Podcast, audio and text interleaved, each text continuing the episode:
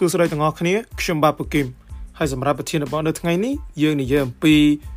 ការស្ដាយក្រោយទាំង4យ៉ាងដែលមនុស្សទូទៅមាននៅពេលចាស់ឡើង ដែលទៅសេឡើងដោយលោក Sean Cannon នៅក្នុង Mind Cafe ជីវិតមនុស្សយើង គឺជាការសម្រេចចិត្តជាបន្តបន្ទាប់នៅពេលដែលយើងសម្រេចចិត្តត្រូវយើងនឹងសប្បាយចិត្តនៅពេលដែលយើងសម្រេចចិត្តខុសវានឹងមានរឿងរ៉ាវច្រើនមែនទែនវាអាចជាយើងយកកំហុសនោះទៅរៀន ឬក៏យើងបរាជ័យដួលហើយអ្នកខ្លះទៀតក៏អាចមានទៅដល់ការស្ដាយក្រោយឬក៏វិបដិសេរីផងដែរហើយវិបដិសេរីនេះក៏មានច្រើនរូបរាងច្រើនទ្រង់ទ្រាយដែរដែលវាអាចជាយើងមិនបានចំណាយពេលវេលាជាមួយនឹងក្រុមគ្រួសារឬក៏យើងមិនបានដើរតាមក្តីសម័យដើរលេងតិចជ្រុលមិនបានមើលថែសុខភាពឬក៏យើងមិនបានចិត្តល្អចែករំលែកក៏ដូចជាអភ័យទោសឲ្យអ្នកដតីច្រើនជាងនេះអញ្ចឹងគឺវាមានច្រើនមែនទែន ប៉ុន្តែនៅក្នុងអត្ថបទនេះដោយលោក Sean Cannon គាត់បានយកការស្ដាយក្រោយទាំង4បំណោដែលមនុស្សភាគច្រើនគាត់បានជួបអញ្ចឹងតោះយើងចាប់ផ្ដើម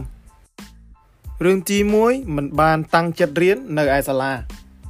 ខ្ញុំជឿថាការស្ដាយក្រោយនេះយើងប្រហែលជាមានហើយនៅពេលដែលយើងអាយុរៀងច្រើនបន្តិចដោយពួកយើងគិតថាខ្លួនឯងមិនបានខិតខំរៀនឲ្យបានគ្រប់គ្រាន់ទេទៅមកដល់បច្ចុប្បន្ននេះយើងអាចបាត់បង់នៅឱកាសជាច្រើនមកក្នុងជីវិត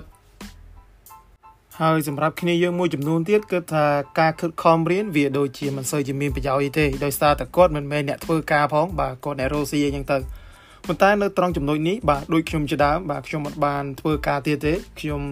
ធ្វើអាជីវកម្មខ្លួនឯងប៉ុន្តែពេលខ្លះខ្ញុំនៅតែស្ដាយក្រោយអញ្ចឹងបើសិនជាការរៀនយើងខិតខំជាងហ្នឹងប្រហែលជាយើងអាចយកចំណេះដឹងពីសាលាហ្នឹងមកប្រើប្រាស់នៅពេលបច្ចុប្បន្នក៏បានដែរប៉ុន្តែយ៉ាងណាក្តីបាទ ចំណេះដឹងវាមិនមែននៅតែក្នុង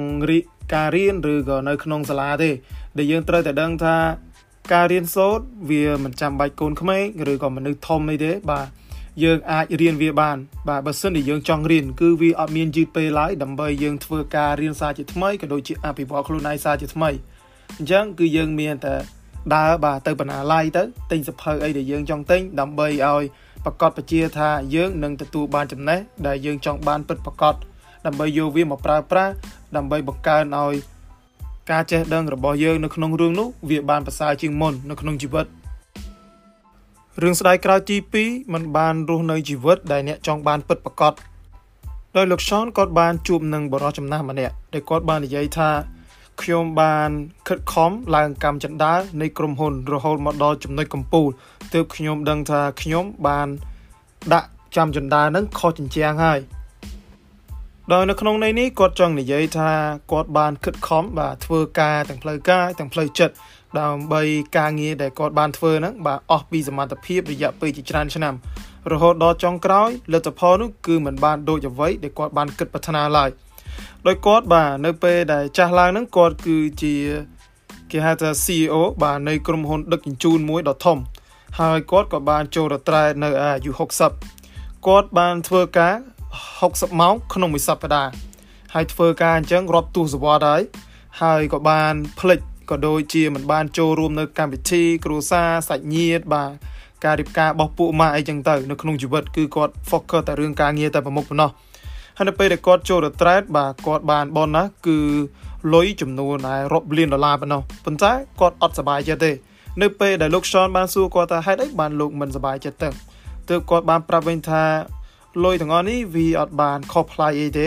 ដោយសារតែគាត់បាទបានសម្រេចចិត្តផ្ដោតទៅលើតែការងារអញ្ចឹងគាត់ចង់មានន័យថាលុយបានមកហ្នឹងវាអត់ប្លែកទេដោយសារតែគាត់បានខិតខំតែធ្វើវា ប៉ុន្តែអ្វីដែលគាត់ស្ដាយនោះគឺគាត់បានលះបង់បាទគ្រប់យ៉ាងនៃជីវិតហ្នឹងមកផ្ដោតលើការងារតែប្រមុខតែប៉ុណ្ណោះឯងដោយរឿងទាំងនេះបានคล้ายទៅជាការឈឺចាប់រហូតវិវត្តคล้ายទៅជាវិបដិសារីដែលពួកគាត់បានសង្ឃឹមថាបើសិនជាការពីមុនគាត់មិនបានខិតខំធ្វើការធ្ងន់ធ្ងរអញ្ចឹងហើយមកសบายចិត្តជាមួយនឹងជីវិតដែលខ្លួនឯងកំពុងតែមានស្របនឹងការងារប្រហែលជាវាល្អយ៉ាងម៉េចទេប៉ុន្តែយ៉ាងណាក្តីបាទទោះបីជាគាត់អាយុច្រើនប៉ុណ្ណាក៏ដោយ គាត់គិតថាគាត់ឥឡូវនេះឈ្នះច្រើនហើយហើយឥឡូវនេះក៏ជាពេលសម្រាប់ដែលគាត់បានប្រើប្រាស់ជីវិតដែលគាត់ចង់រស់នៅពិតប្រាកដបានដូច្នេះបើសិនជាអ្នកទាំងអស់គ្នាបានដឹងហើយថាខ្លួនឯងកំពុងតែឡើងចម្ដើខុសចិញ្ចាំងហើយ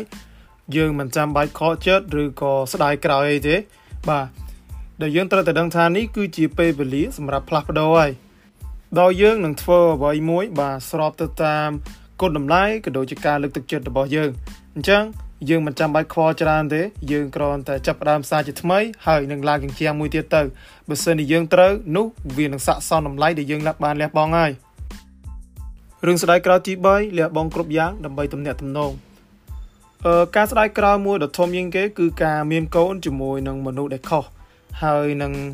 ផ្ដោតសំខាន់លើទំនាក់ទំនងនៅពេលយើងក្មេងខ្ចីពេក ដោយបញ្ហាដែលកើតឡើងបន្ទាន់នោះគឺយើងនឹងមានជីវិតដែលពិបាកហើយនឹងមិនសូវជាសប្បាយចិត្តប្រហែលទេដោយសារតែការធ្វើជាឪពុកម្ដាយបាទជាមួយនឹងមនុស្សដែលខុសគឺវាពិបាកក៏ដូចជាអាចនិយាយថាកម្មផងដែរដូចយើងអាចគិតមើលទៅបាទយើងចិញ្ចឹមកូនបាទទាំងពីរនាក់វាពិបាកហើយហើយបើយើងនៅក្មេងខ្ចីមានន័យថាយើងមិនទាន់មានអាជីពមួយដ៏ច្បាស់លាស់ហើយបើសិនជាពួកគាត់បាទមាននរណាម្នាក់មិនចង់ចិញ្ចឹមទៀតអញ្ចឹងវាកាន់តែពិបាកជាងជាងនឹងទៀតហើយ ដូច្នេះហើយទើបអ្នកទាំងអស់គ្នាបាទមុននឹងធ្វើអ្វីមួយយើងគួរតែសម្រេចចិត្តឲ្យច្បាស់ដែរថាតំណែងតំណងនេះវាស័ក្តិសមរហូតដល់ថ្នាក់យើងគួរតែបង្កើតក្រុមគ្រួសាររហូតដល់យើងចង់បានកូនដែរឬទេប៉ុន្តែបើសិនជាយើងមានការងារបាទច្បាស់លាស់ក៏ដូចជាតំណែងតំណងច្បាស់លាស់ហើយអញ្ចឹងការបង្កើតគ្រួសារហើយនឹងមានបត្រាបត្រីនឹងវាជារឿងត្រឹមត្រូវមែនគ្រាន់តែមនុស្សយើងភាគច្រើនបាទតែងតែគិតលឿនបាទចង់ធ្វើអីលឿនលឿនអញ្ចឹងទៅតែយើងយកតំណែងតំណងមកបាំងមុខ ដែលជាហេតុធ្វើឲ្យការងារក៏មិនសូវលូតលាស់ហើយពេលខ្លះទៀតក៏អាចមានវិបត្តិសេរីក៏ដូចជាបាត់បង់ឱកាសជាច្រើនហើយម្យ៉ាងវិញទៀតបាទអ្នកគ្រប់គ្នានៅពេលដែលមានតំណែងតំណងតែងតែគិតចង់មានគ្រួសារឬក៏យើងការជាមួយគ្នាចង់នៅជាមួយគ្នាមួយជីវិតចឹងឯងបើសិនជាវាកើតឡើងបាទវា happy ending បាទគ្រប់យ៉ាងវា perfect ហើយប៉ុន្តែ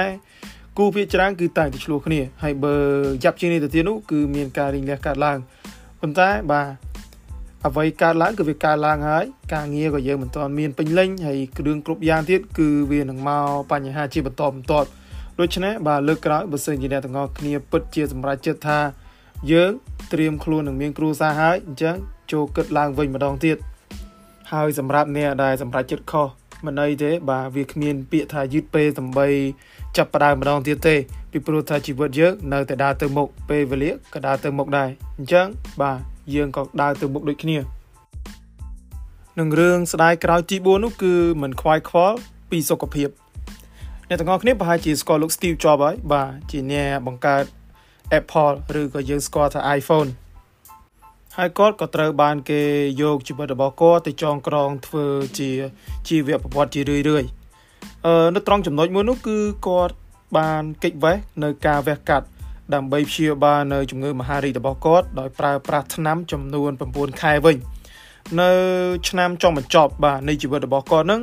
លោក Steve Jobs គាត់បានប្រាប់ថាគាត់ពិតជាមានការស្ដាយក្រោយខ្លាំងមែនទែនដោយគាត់ងាកមកមើលក្រោយវិញគាត់បាននិយាយថា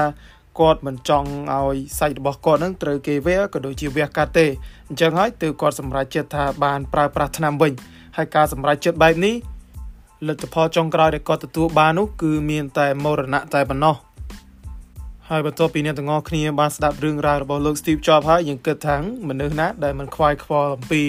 សុខភាពខ្លួនឯងបាទប៉ុន្តែមានច្រើនមែនដែលយើងអាចឃើញកលេចមើលមនុស្សយើងប្រចាំថ្ងៃបានដោយពួកគាត់តែងតែខំប្រឹងធ្វើការរីរឿយបាទរកប្រាក់ហើយនឹងគេហៅថាដើរលេងពឹកស៊ីអីចឹងទៅគេអត់បានខ្វាយខ្វល់អំពីសុខភាពខ្លួនឯងរាល់ថ្ងៃទេ រហូតដល់ថ្ងៃណាមួយ បាទយើងបានបាត់បង់នូវសុខភាពទាំងនោះទើបយើងមានការស្ដាយក្រោយអញ្ចឹងហើយមធ្យោបាយល្អបំផុត សម្រាប់ថែរក្សាសុខភាពនោះគឺមានតែអ្នកថែវាពីឥឡូវតែប៉ុណ្ណោះកុំចាំបាច់ដល់វាឈឺធ្ងន់ចាំអ្នកធ្វើការព្យាបាលអីដោយសារតែពេលនោះមិនប្រកាសថាសុខភាពរបស់អ្នកវាបានដូចដើមទេ